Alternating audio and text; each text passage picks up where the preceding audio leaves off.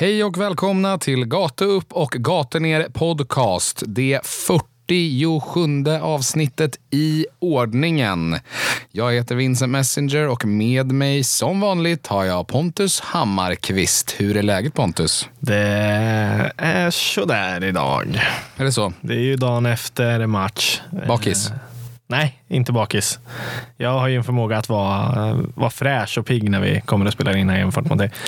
Det är mer fotbollsresultatet. Fotbollsbakis? Eh, Ja, exakt. Det mår man lite dåligt över dagen efter. Annars är det väl bra med mig tycker jag. Eh, Skönt att spela in igen. 47 avsnittet också nämner du. Fan, det börjar... eh, Ticka upp mot 50. Det kommer. Vi får se. Göra något roligt inför Ja, vi får 50. göra något spexigt Vi tänker jag. pratat om det i alla fall så får vi väl se så vad som händer. Men det är i alla fall en milstolpe i någon slags poddkarriär i alla fall att skryta om. Ja, fan jag har sagt det förut och jag säger det igen. Alla kan starta podd, men det är fan inte många som klarar av att göra 50 avsnitt. Nej, precis. Ja, Nej. så vi klappa oss själva på axeln när vi når dit. Ja, det ska vi göra. Om vi inte dör innan så att säga. Men det vi ska vi göra göra. först är eh, att vi ska avhandla avsnitt 47 för att kunna komma vidare i ordningen. Och eh, det börjar vi med genom att hoppa tillbaka till lördagen den 24 oktober. Nu i helgen. Där eh, Djurgården tog emot Sirius i en match som på förhand såg eh, väldigt jämn ut och spännande ut. Men där Stefano Vecchia tar ett rött kort och Sirius faller ihop som ett korthus. Mm, verkligen. Mycket kort eh, analogier där. Men eh, ja, alltså förhållandevis jämn match. Men en total kollaps av, av IK Sirius.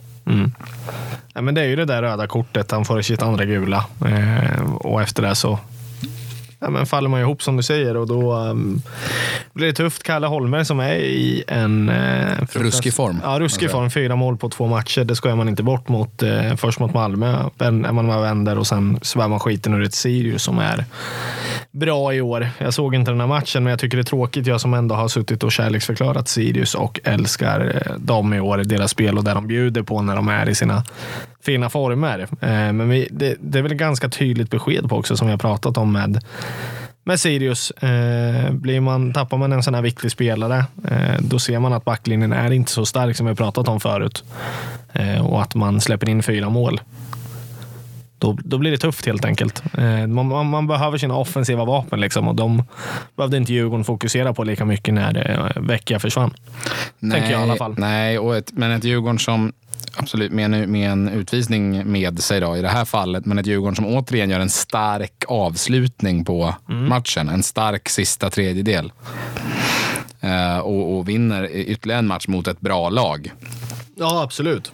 Och det börjar ju mer och mer se ut som att det är Djurgården och, och, och Hammarby nu som börjar försöka trumma igång någon slags form här inför, inför slutpushen. Ja, alla, alla Stockholmslagen har egentligen trummat igång på sina sätt nu mot slutet. Även om AIK gör det på, en, på ett annat vis i en annan plats i tabellen. Ligger lite längre efter. Ja, men om du frågar AIK-supportrarna innan IFK-matchen så var det att nu går vi för Europa här. Ja, det Ja, rent realistiskt så hade inte det varit fullt omöjligt. Eh, även om, om än lite orealistiskt. Det är för mycket lag framför som vi pratat om förut. Det är väl det som avgör. Men poängmässigt så har det väl inte liksom sett Nej. långt åt helvete ifrån just nu med tanke på att man har tagit sex utan förlust. Nej, det får man säga. Eh, Ett lag som däremot inte ser ut att vilja vara med när det ska Som avgöras om Europaplatserna. Det är ju våra kamrater nere på Hisingen, BK Häcken, som eh, går ut och bestämmer sig för att eh, de ska ligga under med 2-0 hemma mot Mjällby. Helt enkelt. Ja, ja man, man kan se det så och man kan också se det som att man är starka och får med sig en poäng. Men eh, när matchen blåses av så tror jag nog att Häcken pustar ut en aning genom att inte förlora en sån här match. Men det är ju superviktigt att liksom vinna nu.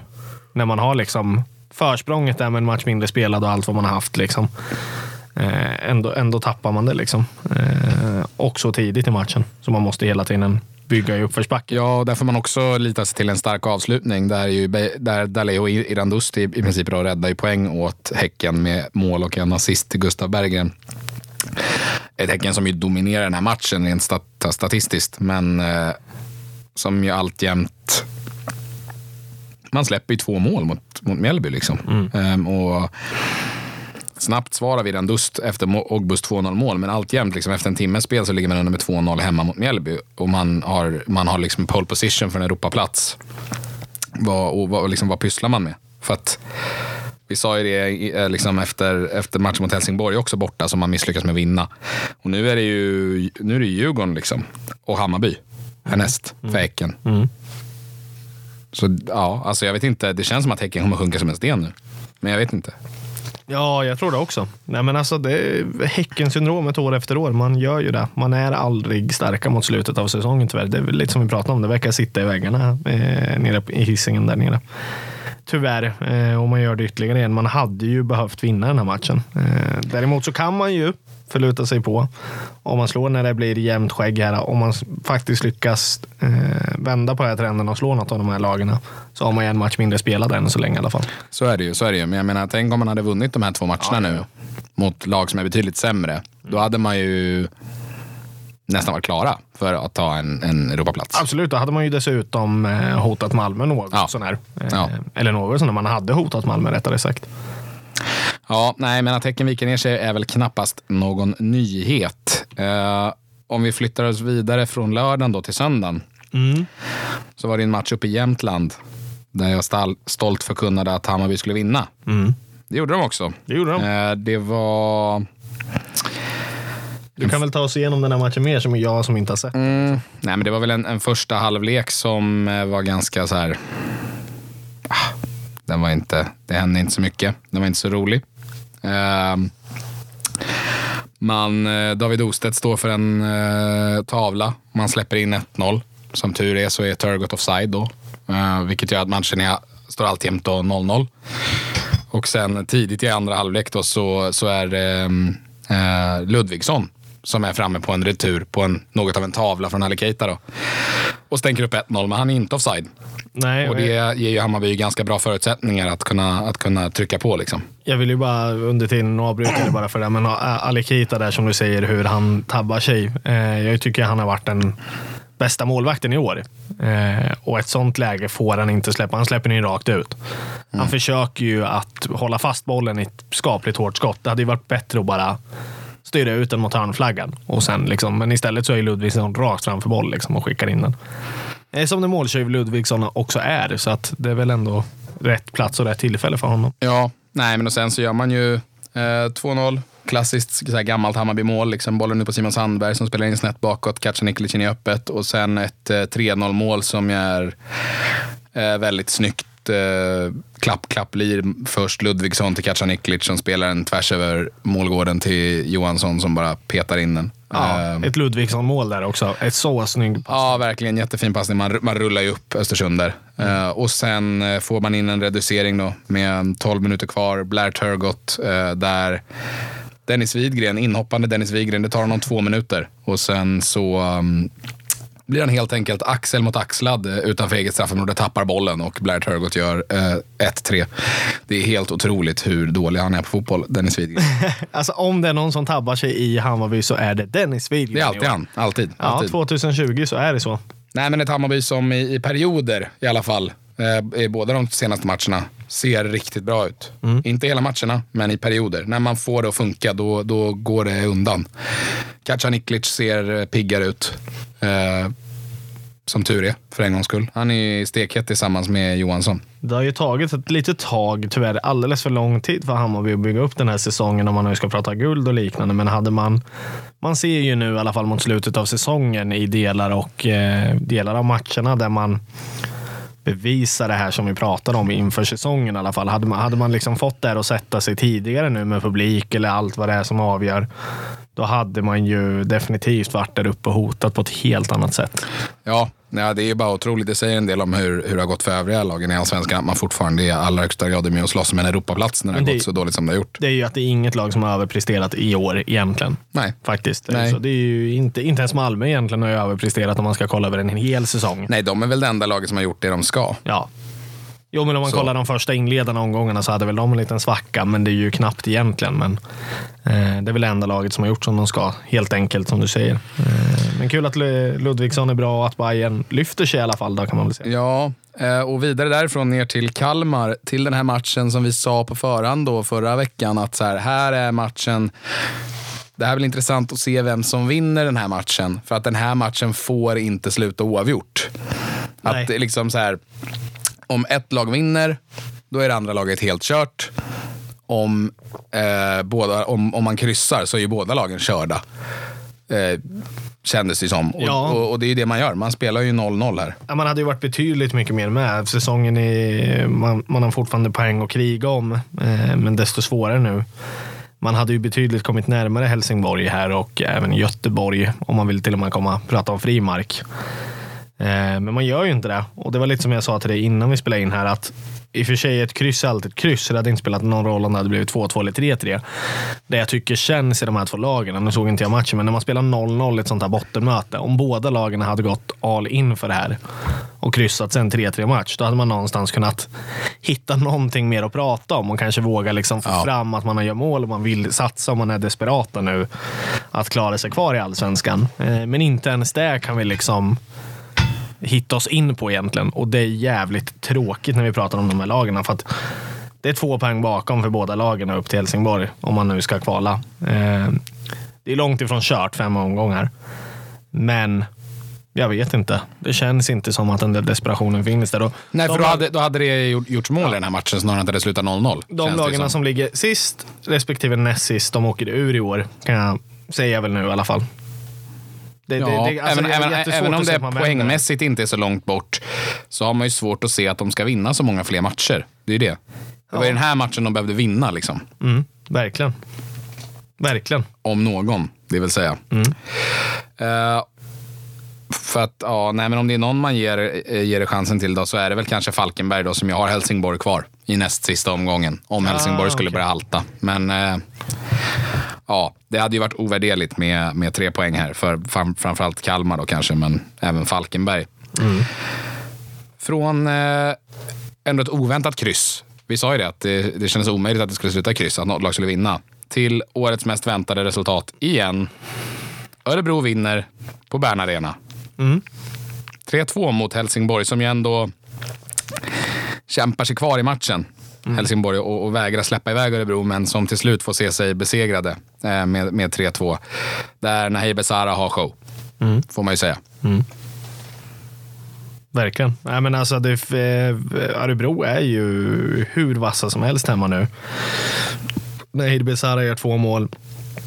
Är för bra för att stanna i allsvenskan. En ass nästa också, det är en ass. Ja, han ligger bakom alla tre målen dessutom. Då. Tänkte jag inte ens på. Men alltså, han är ju för bra för att stanna här. Och det sa han ju också inför den här säsongen att han är ju inte i Örebro för för att stanna i allsvenskan nu. Eh, och det tycker jag också att, för jag sa ju det också, jävligt kaxigt uttalande. Men han bevisar ju också att han har rätt och då tycker jag att man, ja, då tar jag tillbaka det där och erkänner att han, han är så pass bra just nu och Örebro hemma slår fan inget lag längre. Men däremot Nej. när Örebro är på besök, va? då åker man. Då är de världens enklaste match. Exakt, för man har bestämt sig för att komma i mitten av tabellen. Vinn varannan match. Ni vinner bort hemmatabellen och torskar borta tabellen så blir det skitbra ska ni se. Det verkar ju vara strategin i alla fall. Exakt. Eh, en annan grej som eh, vi eh, utlovade förra avsnittet. Det var ju att eh, Göteborg skulle få ordentligt med däng. Mm. Vad sa vi? 3-0, 4-0 eller 4-0 och 5-0. 4-0 sa du, 5-0 sa jag. Sluta 3-1 till slut. Mm. Eh, där mardrömsstart för Göteborg. Christiansen, när Christiansen gjorde mål efter tre minuter, då satt jag och bara Ja. oj, oj, oj, oj, oj, oj, oj, oj, oj. Samma här. Men eh, Marco Johansson bestämmer sig för att eh, leka Peter Pan eh, och flyga ut ur straffområdet. Eh, och eh, Pontus Wernbloom dunkar dit 1-1 i öppen bur. Ja, men alltså vad pysslar Marco Johansson Nej, jag med? vet Alltså, vad inte. är det för fel på honom där? Alltså, det, det, du nämnde det ju förut med. Vad, Ja. Han ska ju inte dit ut och göra överhuvudtaget. Jag, jag förstår inte grejen heller. Vad, alltså, varför han går ut och satsar efter en boll. Sen dessutom när han har tappat den här bollen och kommer upp. För, alltså, Pontus Wernbloom hinner ju liksom inte få kontroll på bollen i ordentlig tid. Då, då halvjoggar ju Marco Johansson hemma också. För han har ju mer eller mindre gett upp det. Ja, men det, är, det är så konstigt. Vilket också så- stör mig. Hela Vart beslutet att gå ut tycker jag är så konstigt, för, framförallt för att det är så här, jag vet inte, ja, om man inte har sett det här målet kan man ju kolla upp det, men, men det är liksom en långboll som kommer in bakom. Vi har ju pratat om det, att Göteborg inte har någon som går i djupled. Nej. Så kommer en boll in bakom, Wernbloom bestämmer sig för att gå i djupled. Och när, att, att ställa upp Wernbloom för att han ska gå i djupled, det är som att ställa upp en bandvagn på startlinjen i en Formel 1-tävling. Liksom. Ja, men lite så. Och så rullar bandvagnen Wernbloom iväg och så liksom bollen kommer över och man ser ju klart och tydligt, för det har ju regnat ganska ordentligt, Jag, menar, jag ser det på tv. Mm. Marco Johansson har ju stått där i regnet i 23 minuter. Ja. Han vet ju hur blöt planen är. Bollen landar ju två meter framför Pontus Wernbloom. Och kommer med en så pass flack vinkel som gör att här, jag vet när jag ser den här bollen att den kommer studsa iväg när den träffar backen. Och det borde Marco Johansson också veta. Wernbloom kommer inte bli fri. Du behöver inte springa ut här. Men eh, uppenbarligen fattar han ju inte det. För att han rusar ju ut. Och det hade han inte ens behövt göra. Men sen misstajmar han ju helt studsen. För han tror ju att bollen ska liksom stanna av någon anledning. Ja. Men det är klart att den inte gör det. Det är som spolad is på curling-OS. Liksom. Så att... Eh, nej, han springer ut där. Sen har han väl lite otur att han halkar också. Liksom. Han kan, alltså så. Men, men kommer tillbaka. Men som du säger, liksom, stannar till lite. Inte helt... Han verkar lita på att hans försvarare där, jag vet inte om det är Ahmed Hodzic eller vem det är, som, han verkar lita på att han, täck, att han täcker första stolpen. Men Wernbloom sätter den mellan benen på honom och den går in. Ja, men det är det jag menar, det är bättre, vare, vare sig man vet att ja, men den här borde försvararen kunna rädda. Samtidigt är det väl bättre att visa att man krigar tillbaks efter en sån liksom, grej. Vare sig, vare sig det är 110 procent att det blir mål där. Gör någonting för att försöka rädda upp situationen, för han hade fan med kunnat gjort det dessutom. Vilket är helt sjukt. Men som sagt, första, första tanken är ju horribel. Eh, om jag bara får kasta oss tillbaka till 1-0 målet, eh, Ja. till straffen Ja. så visar ju Traustason att han har blivit... Eh, men han har ju blivit... Och det, det, alltså det är inte heller någon så här slags diss egentligen åt Malmö. Man vinner ju fotbollsmatcher på det många gånger. Men han har ju hittat sitt fulspel ändå. Har ju sett tendenser till men stundtals under det senaste året och även innan det. Han faller ju jävligt lätt nu för din Traustason. Eller håller du med mig? Ja, men eh, det är väl liksom en del av, av det här att liksom vara smart i matcher och i Men han, han, det är ju en straff. Det är inte så att jag tänker missvisa det. Men han... Nej, men han flyger som en trast så att säga när, Ja, ja. han, när han kommer in där i straffområdet. Ja, ja. Eh, Men, men annars kanske han inte får den straffen. Så jag menar, vad, ska man, vad ska man säga om det? Liksom? Absolut, jag tänkte bara, jag tänkte bara påpeka i alla fall att Tra, Traustason har hittat Malmö-formen där i alla fall. Ja. Nej, Och och, inget negativt om det, helt ärligt. Jo, det hade jag tyckt om jag hade mött Malmö, men jag förstår ändå grejen. För att när jag tänker realistiskt så hade inte jag haft någonting emot det i Norrköping heller. Så att, I övriga händelser i matchen så gör Ola Toivonen chock, eh, gör 2-1 och André Kallisir petar in 3-1 i egen kasse. Och eh, Malmö vinner stabilt. Men eh, man körde ju inte kanske över Göteborg på det där sättet som vi trodde. Men, men det fanns ju inte en chans att man skulle förlora den här matchen i alla fall. nej, nej, man tar tre säkra poäng och om jag, om jag bara skickar oss till 3 3-0 målet, hur Kalisir är det ju som gör ett självmål. Eh, men jag, ty jag tycker att Malmö är så jävla smart i de här stunderna när man leder med 2-1. Man, man, man vet att man kommer vinna det här. Man är inte desperat över att gå efter 4-5-1. Man, man känner inte riktigt som man, man, man har behov av det. Man vill ta tre poäng. Och det man gör då när man kommer ut på kanterna än att skicka bort bollen. Man, man, man skickar in den i, alltså i straffområdet än att skicka upp den i backlinjen och göra något klantigt misstag av det. Och det leder till ett sånt här mål då. Förstår vad jag menar? När, när bollen kommer in i boxen, då finns det så pass mycket kroppar där inne. Ja, ja. ja, ja. Eh, om, om du förstår min tanke med det. Att man, man he- hellre in dem där och det blir någon bortrensning eller liknande. Eh, Ja, man, fortsätter ju, man fortsätter ju överbelasta och Ja. skicka in de där låga bollarna in i boxen. Och det- blir skitjobbigt att försvara sig mot om bollen är, är väl slagen. Ja, exakt. Det är inte så att man går på uh, nu, nu ska bollen även in, utan det är mer nu, nu försvarar vi den här ledningen, men vi skickar fortfarande in dem och då kommer de här flaxmålen. Och det är så gör ett bra lag liksom. Och då vinner Malmö till slut komfortabelt med 3-1 och förtjänar också. Ett lag som borde vunnit komfortabelt, men som inte gjorde det. Det var Elfsborg. I ett eh, El Vestiquito i Varberg eh, spelade man 0-0 på Påskbergsvallen, om den nu heter det fortfarande. Eh, jag, jag vet inte, den, jag tror att den har bytt namn till något annat. Har den det? Ska jag kolla Eh, det? Pratar du så länge? ja, eh, eller som en lokal miljonär ville döpa den till, Leninstadion. Det Eh, vart ju inte av i alla fall, det vet vi. Nej, det vet vi. Nej, men ett eh, Elfsborg, jag såg den här matchen. Ett Elfsborg som svänger väldigt mycket. Man är bra i perioder. Men eh, i andra halvlek tycker jag att Varberg är, är mycket bättre än Elfsborg. Eh, första 15-20 av andra halvlek. Men sen händer någonting. Eh, sista 25-20 minuterna så tar Elfsborg bara över av, alltså på något vis. Det, för jag, jag satt och tittade och tänkte, Varberg kommer vinna den här matchen. Och sen från ingenstans så bara slog man på. Och, och man trycker ju ner Varberg, alltså sista 20 minuterna på ett sätt som... Ja, man ska ju ha tre mål, två eller tre mål i alla fall. Alltså utifrån de lägena man skapar och man ligger ju där och man är farlig. Men man får inte dit bollen liksom. Och när till och med Robert Gojani skjuter från halva plan och träffar ribban, så, alltså, då vet man ju att eh, ja, det fanns, det fanns självförtroende i Elfsborg i alla fall när de gick framåt. Jag valde ju såklart att se den andra matchen som vi ska komma till sen, men jag såg ju highlightsen av det här när man visar på Dplay och liknande och tycker att så här, det finns ju ruggigt farliga lägen eh, för Elfsborg att göra mål. Det är det, enda, det är det enda jag kan säga om matchen. Och att man har väl ett läge av Alm som kommer i maxfart eh, och bränner ett friläge framför allt. Och sen vem det är som bränner den strax utanför stolpen och får den förbi målvakten från ytterkant. Men det är liksom lägen man ska göra mål på om man vill vara kvar som topplag. Liksom. Eh, Jo, men ett par skottlägen när bollen trillar loss och man får ett par skottlägen in i straffområdet och man bränner dem 10 meter över istället för att bara liksom luta sig över bollen och få den på mål. Alltså så här, Mm är väldigt ineffektivt av Elfsborg och det är väl frågan om det kanske har lite med att göra att eh, Jesper Karlsson inte är kvar där i, i frontlinjen. Ja, men det är väl klart eh, det, det har en alltså, påverkan i spelet och en påverkan i målskyttet att göra. Han hade ju vunnit skytteligan om han hade varit kvar. Så enkelt är det ju. Då, är det liksom, då ska man förlita sig på andra spelare och någon annan ska hitta formen. Och det är inte alltid så att det klaffar jättelätt. Att det bara går in och tar över hans roll så att säga. Men de har ju spelare som kan, som kan göra det åt honom. Men det gäller också att de ska mitt i säsongen steppa upp och bara ta det ansvaret. Eh, ska, ska även sägas att eh, 40-åriga, snart 41-åriga Stojan Lukic eh, gör en riktig jävla pangräddning med 10 minuter kvar på en eh, nickstyrning. Jag vet inte om det var Frick eller om det var en eh, Varbergs försvarare som var först på den, om det var Linner kanske vi säger att det var Frick. Men vi säger att det var Frick. Men en, liksom en inskruvad boll från vänster som bara får en sån här vidare touch och den är på väg att sitta perfekt bort i, i bortre krysset och Lukic sträcker ut varenda, varenda en av hans eh, 192 centimeter och liksom lyfter ut den till en hörna. Det Det blev var... 195 från ingenstans. Ja, lite så. Lite så. Äh, men, eh, imponerande av Stojan Lukic också på det, i den åldern. Att eh, vakta buren i ett Varberg och göra det med bravur. En rutinerad och eh, gammal räv när det gäller de där målvaktshandskarna. Så han, eh, han är duktig. Han håller klass fortfarande. Ja, absolut.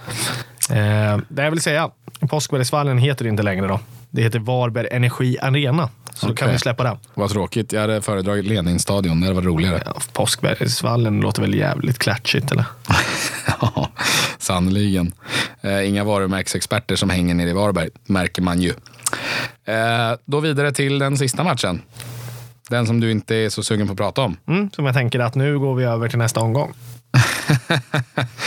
Eh, ja, det kan vi göra. Men innan dess så ska vi stanna till på Platinum Cars Arena, Nej. Östgötaporten, Nya Östgötaport- Parken. Östgötaporten tack. Ja. Ja, mm. Nu får du lära dig. Eh, ja, take it away. trampa på tår här. Eh, ja, jag ska väl försöka göra mitt bästa. Jävligt, jävligt trevande match. Eh, Hawaii-fotboll rakt igenom. Norrköping öppnar bäst. Eh, vi gör slarvsylt av dem, ska jag vilja säga, första 20 minuterna. Tycker att vi känns bättre, skapar lägen. Eh, sen kommer Goitons jävla perfekta hörna som de är så bra. Erik Smith glömmer helt bort och eh, har kontroll på honom. Och såklart så sitter den i, eh, i mål. Goitom gör ju de målen, 100 procent. Försöker komma oss in i matchen. AIK håller kvar, skapar lite lägen, lutar fram och tillbaks. Eh, tycker ändå att vi förtjänar att ha ett bättre resultat om man ser de första 20 minuterna. Där vi borde ha fått med oss ett eller kanske två mål med lite tur också. För om AIK hade varit i den formen så hade vi vunnit med, som de var innan, då hade vi vunnit den här matchen lätt. Eh, Men sen, sen andra halvlek så sitter jag och tänker, undrar om vi ens kommer göra mål nu när AIK har tagit ledningen. Det går ju bara fem minuter så vänder vi den här jävla matchen.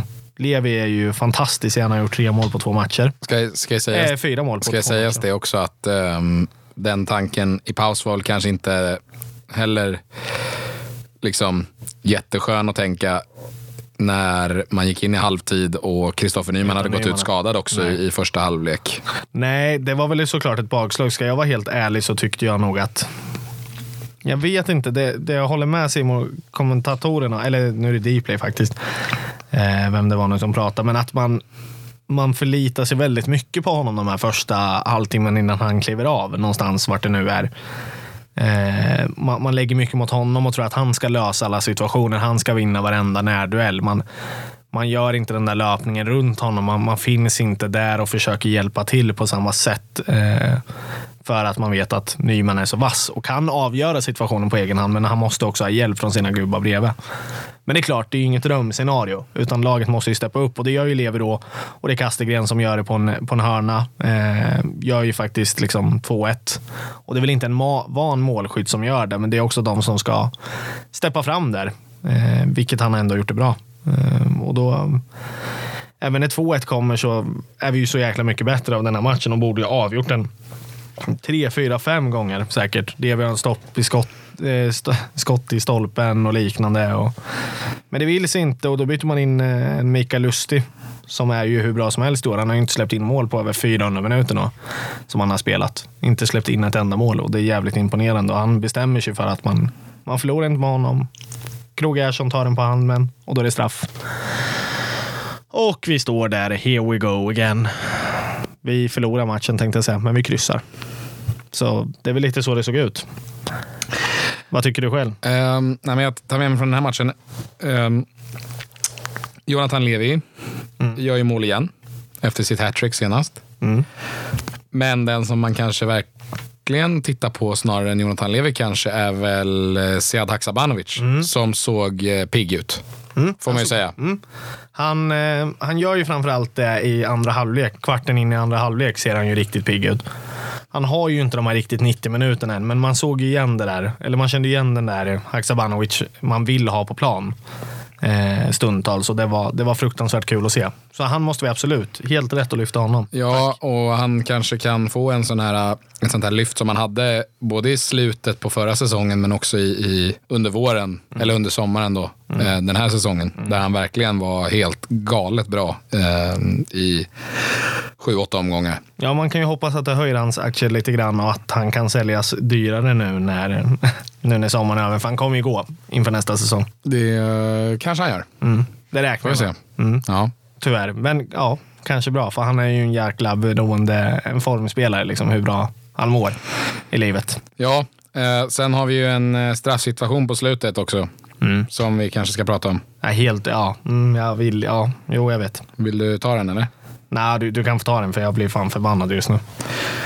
Ja, det är... Ska se. Vi har ju en boll in i straffområdet. Jag vet inte vem det är som slår den. Um, Nej, det kommer jag faktiskt inte ihåg heller. Eh, låter det vara osagt. Men en, en situation som håller på att bli riktigt bra. Bollen kommer in och det är eh, Henok Goitom som slänger ut en bom helt enkelt. Eh, eller en krok mm. kanske man ska beskriva det snarare ja, som. Absolut. Eh, han gör den här klassiska när han ska skifta sida på, på den han markerar och inser att han är efter så lägger han runt den där lilla krokarmen runt, eh, runt axeln slash halsen och rycker ner. Eh, vem, vem det nu är. Kastegren. Kastegren som han rycker ner. Eh, och ska vara straff. Alltså 100 procent. Alltså här står vi fan igen. Och det är nu, nu jag, jag har liksom släppt det här och jag såg inte ens situationen ordentligt på tvn förrän man zoomar in. Eh, och det gör mig så förbannad i efterhand och jag har liksom försökt sova bort den skiten nu. Men nu ska jag väl försöka ventilera av med det här. Eh, men Kristoffer Karlsson gör det fan med igen. Alltså jag sa det inför den här jävla matchen. Han gör ju ett jävla misstag. Han gör ju det jämt. Det är straffsituationer. Gerssons hand, när den kommer. Jag blir irriterad över att han blåser, men det är ju just för att den, den är solklar. Jag köper den med hull och hår. Det gjorde jag i tvn med, när jag satt och kollade matchen. Men alltså att han släpper sådana här lägen. Jag förstår inte. Det är som en situation också, där en frisparkssituation som kommer bli jättebra för Larsson till exempel. När Dagestål flyttar hela kroppen. Alltså han missar ju gång på gång. Alltså den här domarkåren är ju så fruktansvärt jävla dåliga i år. Alltså de måste verkligen kolla sig i spegeln på riktigt den här, efter det här året nu. De sa att de skulle göra det efter förra året, men nu, nu är det fan dags att göra det. Alltså. För att det här kan inte fortgå. Alltså. Det är fan med problem varenda match. Vi hade, vi hade kunnat vunnit allsvenskan om vi ändå bortser från alla misstag. Det hade AIK med säkert kunnat gjort och Malmö med kunnat köra över. Det är så mycket misstag det här året. Det är så mycket mer poäng som hade kunnat delats ut åt mer rätt lag i år. Sen skiter jag i vart vi hamnar i tabellen. Men ska, det här är inget att skoja bort längre. Vi måste ta något ordentligt beslut och göra något radikalt. Göra någonting nytt i alla fall. Sen skiter jag i vad det är. Ja. Eh, Fan. Simon Tern eh, Ja, han är ju du lite irriterad på. Var ju inte heller så nöjd.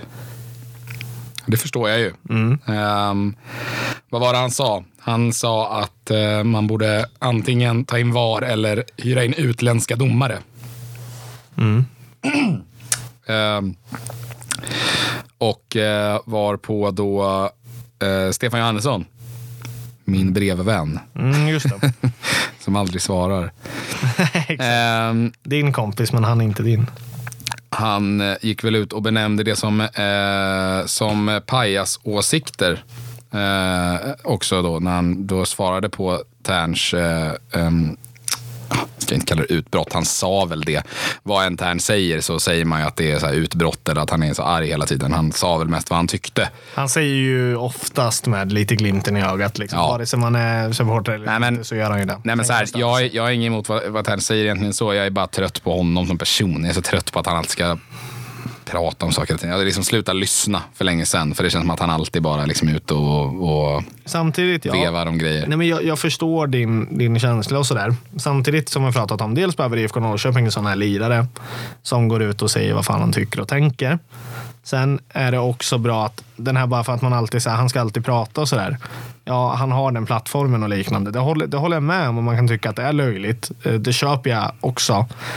Men jag tycker ändå att han måste ju få säga sitt ändå. Och det tycker jag är viktigt. Än att så fort någon har en plattform, då når han ju ut också. Då blir det ju press för en gångs skull på domarna som Jo, men pro problemet, problemet är ju framförallt att det är ingen annan i det där laget som gör det. Och det är därför han måste göra det. Och det är ingen annan som gör det. Nej, nej, men det köper jag.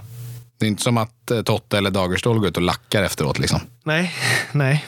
Får psykbryt i, i Dplay-intervjun med Karin Frick. Liksom. Nej, nej, precis. Nej, men det, det håller jag väl med om. Men samtidigt har han den plattformen. Jag tycker det är bra att han ändå går ut och tar, tar ställning. Sen kan man tycka va, om hans förslag att han borde ha bättre konkreta förslag och allt höger och vänster. Men han går ut och säger vad han tycker och tänker och att det når ut och sätter i alla fall någon slags Ja. press. Och vet du vad jag, jag kan säga om Stefan Johannesson då? Då tycker jag att han har pajasdomare i sin kår. Alltså, det är fruktansvärt i år. Alltså. Nej, men Ja. allvarligt. Nu, Nej, men det- nu skiter jag i vilket. Alltså. men jag håller med. Nu måste jag få släppa Ja, på men mina jag, tyglar. jag, Alltså, håller för med. jag inte glad. jag håller med. Jag håller med. Eh, däremot så... Jag förstår ju båda delar här. Liksom, för Norrköping har haft jävligt mycket emot sig den här säsongen. Jag förstår att det är extremt frustrerande för Simon Tern. Ja, det är frustrerande Eh, härifrån med. Så att, Och jag, jag, är också så här, jag tycker också att det är för mycket. Vi har pratat om det här förut. Vi var sura över det här redan förra året och ingenting har blivit bättre. nej, det har blivit värre. Ja, ja, det har eventuellt blivit värre. Och, och liksom, men jag säger bara liksom att så här, jag, vet, jag har faktiskt inte lösningen. Den, lösningen måste finnas i utbildning, lösningen måste finnas i nya direktiv och så vidare. och så vidare. Jo, men vi ska... Men jag tycker att det blir lite, det enda jag tycker bara blir lite tröttsamt och lite larvigt när det är så här, ja vi måste ha VAR eller hyra in utländska domare. För då är det så här, ja, för det första, ingenting blir bättre med VAR. Det jag- det har jag sagt, det står jag för redan. Uh, ingenting blir bättre med VAR. Alla som förespråkar VAR i allsvenskan är för mig en fiende mot den allsvenska fotbollen. Men okej, men okej då, om man nu tror att VAR hjälper, liksom. så fine. Uh, VAR skapar ju andra problem, liksom. men uh, skitsamma. Men och sen så här, ja, hyra in utländska domare, bara så här, okej, men så här, om du inte har något rimligt liksom, förslag, så det räcker, det räcker ju med att Fast- liksom lacka. Du måste inte... För grejen är att det gör, hela, det gör din kritik mindre värd om du kommer ut med så här larviga förslag. Det märker du. Du märker ju Stefan Johannesson bemöter det. Istället för att gå ut och bara vara arg, så gå ut och säga sådana där grejer. Det gör ju att, att, att folk som liksom ska hantera de här grejerna, de validerar ju inte hans åsikt lika mycket. För att de, när man säger sådana dumma saker i, i förhållande till de, de smarta sakerna man har att säga, så kommer folk lyssna på det dumma. Och det är därför Stefan Johannesson ser ju bara det här nu som pajasåsikter. Snarare än att han lyssnar på Simon Tern, att han är besviken, att han är en utövare som vill ha se förändring. kan, kan man inte se det lite charmigt också? Tror att på fullaste allvar efter en match i brinnande stund att Simon Tern fullständigt menar också att man liksom ska ta in utländska domare. Är det inte genom att liksom lite grann, han, han eh, sätter ju ner foten och eh, blir ju förbannad på den svenska domarkåren och tycker att de gör ett katastrofalt dåligt. Det är väl lite mer det han säger mellan raderna. Absolut, absolut, kanske det. Men, men jag menar bara att resultatet blir inte det han är ute efter i sådana fall. För resultatet blir att, du märker ju det. Du ser ju hur Stefan Johannesson svarar. Jo. Han tycker, att jag kritik, han tycker att kritiken blir larvig när man kommer med sådana när man kommer med såna förslag. Istället för att bara framföra kritiken. Mm. Men jag tror samtidigt när man får mer och mer sådana här grejer på sig, ju mer och mer kommer de bli tvingade att göra någonting åt det. För det kommer inte vara acceptabelt snart. Alltså, det kommer ju brinna inom med, det, med, med, snart, med, liksom. med det sagt så ska det också sägas att jag är lite trött på eh, Stefan Johannesson och domarkårens hållning till det där också. Att de har börjat slå ifrån sig nu. Att det är så här, ja, jag tycker inte att spelarna är bättre än domarna i Allsvenskan. Och det är så här, nej, det kanske de inte är.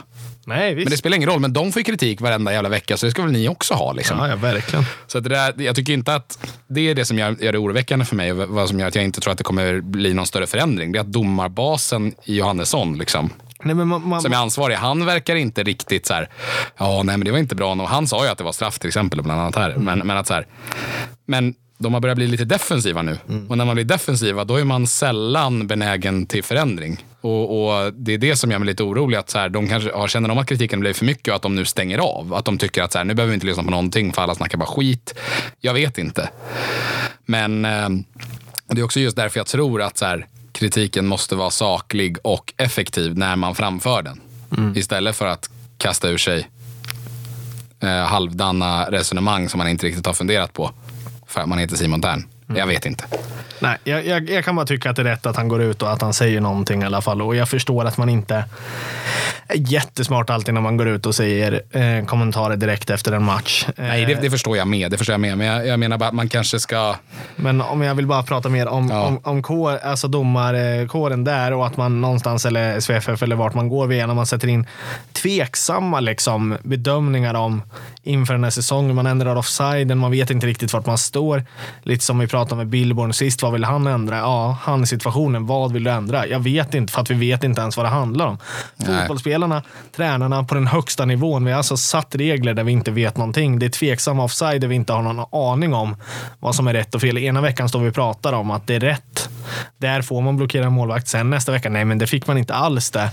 Där är det en handsituation för att den är utanför kroppen. Där är det en handsituation för att den är i kroppen, för att man gör det i en viss vinkel. Alltså ta bort sånt där jävla skit tycker jag till att börja med. Liksom att försöka granska domarna och sen göra det bättre och veta vad man pratar om. Att i alla fall lagen, tränarna, spelarna och domarna vet vad det handlar om och kan stå efteråt rakryggade. Vi visste om det här. Vi fattade att när det är en sån här situation, då blir det så här. Då blir det straff eller offside. Då, fatt, då köper man det. Men jag tror, jag tror att så här, för mig ska också sägas det att jag har full förståelse för de här utövarna som lackar och reagerar i anslutning till match. Det är inget konstigt. Jag liksom dömer inte Simon Tern för att han går ut och pratar om det. Jag tycker det är bra att spelarna pratar, det är inte det. Men det är så här... Eh, så själva handlingen är så här, det är, väl, det är väl vad det är. Men jag tror bara att det är viktigt att kolla på utfallet. Vad blir utfallet här? Det blir ju att domarkåren bara slår ifrån sig än mer. Liksom att man inte tar till sig kritiken. När det blir sån här känslostyrd kritik som kommer direkt efter en avspark och så vidare. Och så vidare. Vi har ju inte sett en ordentlig kritik från ledare och spelare. Organiserad kritik mot domarkåren som, inte har, som har varit utanför matchsituation. Det är alltid samma med match.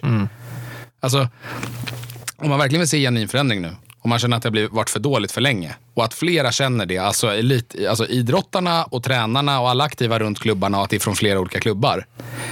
Skriv ett öppet brev efter säsongen. Lobba det här på förbundsmöten. Alltså ligg på, var med. Skriv, skriv en blogg. Skriv ett öppet brev själv. Men, det är så här, men just när det blir i matchsituationerna så tror jag att kritiken tas mer lättvindigt. För den går alltid att vifta bort. Som att så här, men det här är känslostyrt, du vet. Det här är det, eller så här, de vet inte vad de säger, eller du vet, bla bla bla bla. bla.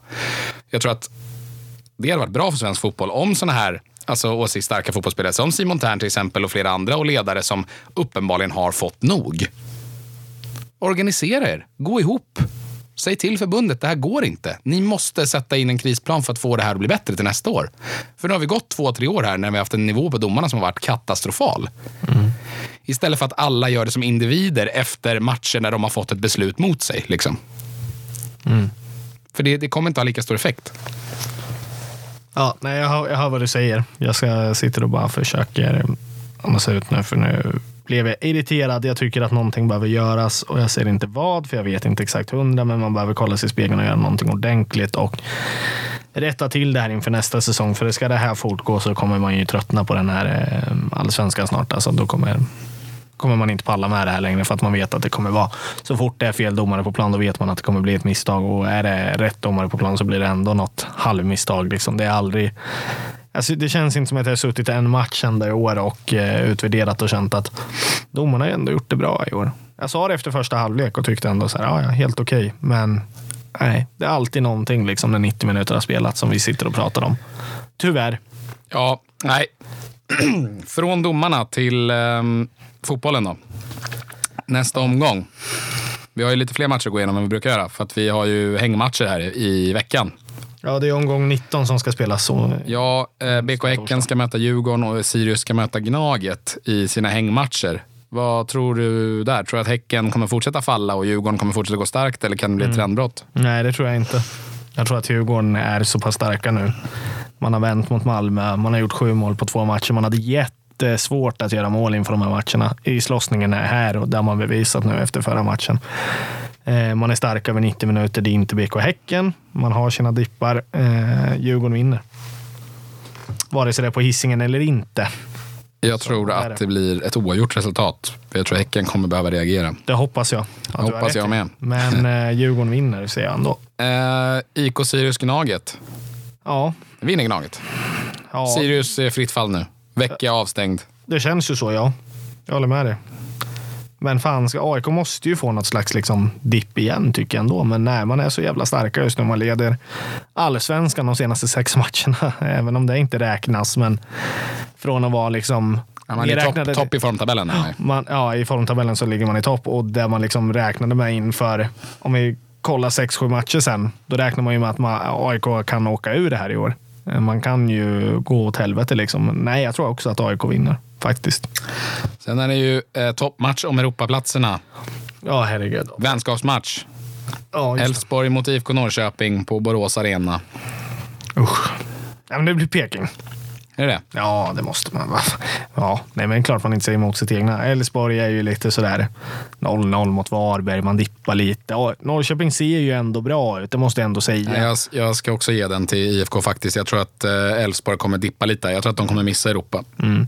Ja, men att Norrköping som ändå, vi, vi, vi skulle slagit AIK här. Vi har, kollar man över 70 minuter så är vi ett bättre lag, tycker jag i alla fall om du frågar mig. Eh, En AIK som ändå är i bra form nu. AIK har slagit på nu och då måste man ändå räkna AIK för vad de är eh, på pappret och på klubbmärket. Eh, så jag tycker ändå att vi har gjort gedigna insatser senaste tiden. Haft lättare att vinna borta, liknande. Eh, så att, nej, men jag säger att även om vi har haft svårt dock mot Elfsborg på deras arena, vilket alla lag har, eh, så kommer vi vinna i alla fall. Det är dags. Sen är det ju Sirius då som ska spela sin helgmatch efter man har mött AIK. Eh, och då möter man Kalmar hemma. Just är, det, är det sista chansen kanske då för Kalmar att eh, ta en chocktrea mot ett Sirius i dålig trend? Skulle jag säga att Djurgården slår Sirius. De måste ju koppla på någonstans igen och jag tror att Rydström har det där i huvudet. Jag har ju svårt att se. Du menar AIK slår Sirius? Ja, förlåt. AIK slår Sirius. Ja, förlåt. Eh, jag har ju svårt att se att Rydström eh, får grabbarna att eh, backa ner där. Liksom. Eh, så att jag tror att man, eh, man eh, kommer torska Kalmar där, faktiskt. Jag tror på en etta där. Att Sirius studsar tillbaka efter några dåliga resultat? Ja, men det tror jag också mot ett, mot ett dåligt Kalmar i år ändå. Så att, ja, jag tror gubben Nanne rycker upp någonting. Jag tror Kalmar vinner det. Du tror ändå Nanne kan ställa till med lite? Men då är man ju i allra högsta grad med som vi pratade. Fina gubb-Nanne. Vi pratade inför den här matchen att man inte är med knappt längre. Då är man ju i allra högsta grad med. Man kan ju till och med ligga på en kvalplats då. Det är man sannerligen. Um, Mjällby mot Östersund. Ska vi skita i vad vi tycker om det här med kryss eller? Det kommer inte hända någonting med den här lagen. Nej, 0-0 eller 1-1. Ja, 1-1. Det är skitbra. Moses Ogbu och, och och, och, vad heter han? Turgott. Turgott. Ja. IFK Göteborg möter Örebro hemma. Är det enklaste trepoängaren i år?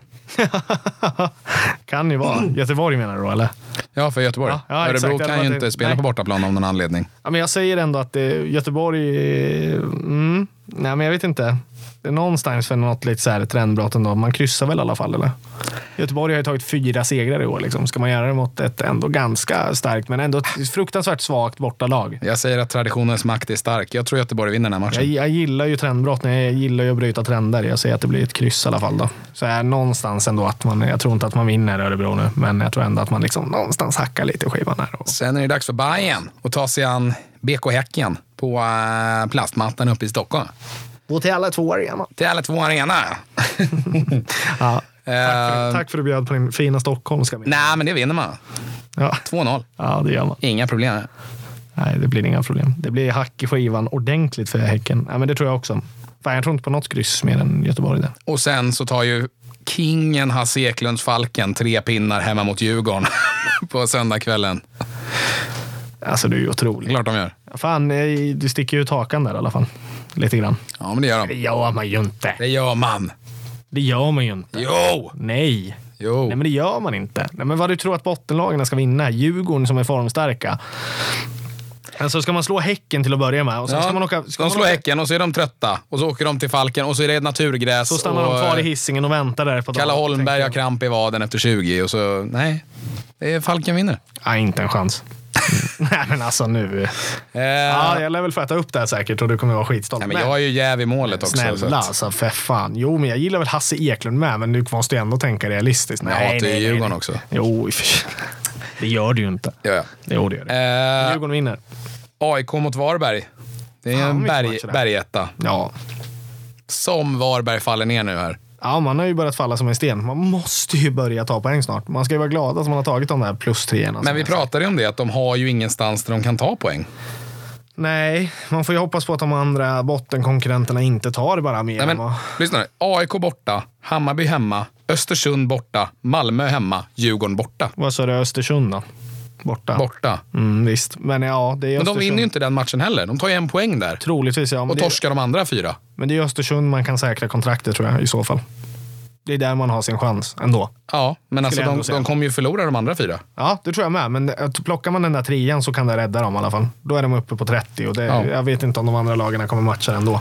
Nej, kanske. Och sen är det ju. Skånederby. Kanske det viktigaste Skånederbyt på år och dagar för Helsingborg. Ja, för Helsingborg är det absolut. De behöver vinna den här matchen.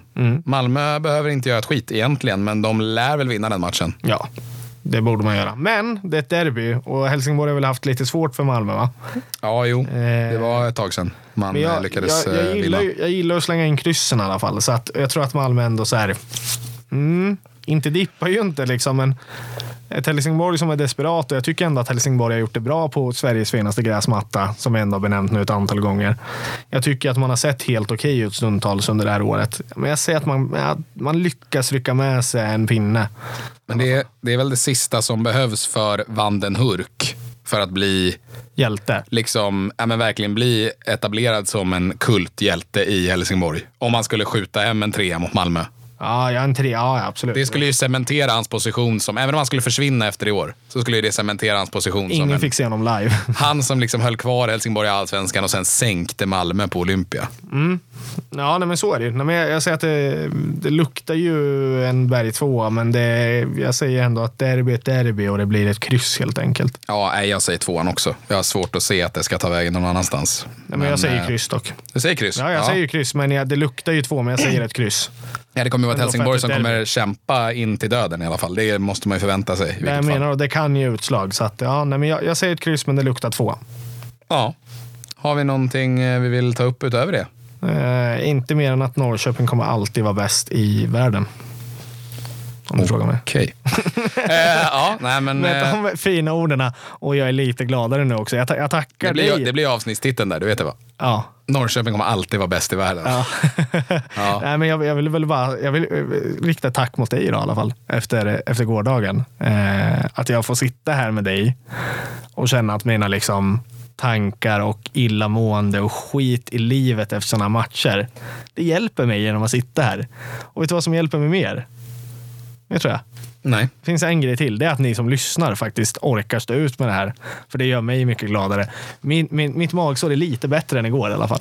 Det kan jag ändå säga. Ja, vi får se vad vi får för lyssnarsiffror på det här avsnittet. Förra fick vi en ordentlig kick på. Ja, det var kul. Jätteroligt faktiskt. Eh, det har börjat kicka uppåt igen. Det kanske är för att det har gått lite bättre för laget också. Man kanske börjar nöja sig med en topp tre om man ser att det är möjligt. Jag vet inte.